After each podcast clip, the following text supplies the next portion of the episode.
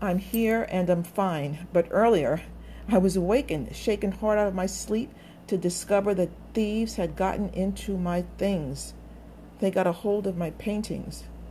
Gone were the sensitive strokes, my mysterious intuitive lettering, my lively erratic marks, colors bursting with truth.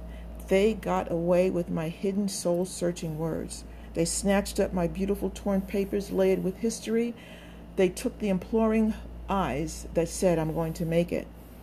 Thieves had the audacity to exchange my paintings for ones that were flat, plain, sightless, and mute. Believe it, they took everything. Even the papers on my desk had been rifled. Notes where I swore I wrote the outline to essays, short stories, ideas for a memoir. Those notes were blank. Gone were the picture words, words that cut, pierced, tumbled, and cried. What miserable notes they left behind were scrawled with words so lifeless and limp the papers might as well have been left blank. I looked in my closet at the clothes hanging in there. I pulled open dresser drawers. No need to go into detail. Just know the thieves got into everything and sucked out the life. This destruction, this incalculable theft, had to been carried out over time, and it definitely was not the work of one. It was obvious a gang was involved. The handiwork of doubt, despair, indecision, comparison, and a whole other gang of soft shoe wearing, tiptoeing destroyers, thieves.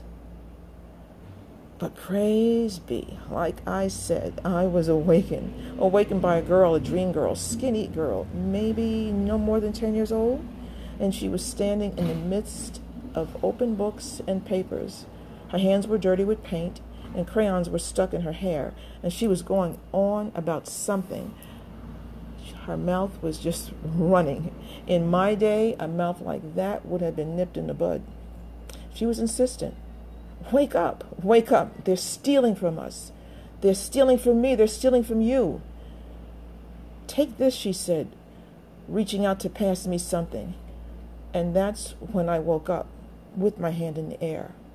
I sent those thieves to running with the boldness of hope, the sacredness of gratitude, and best of all, a blueprint.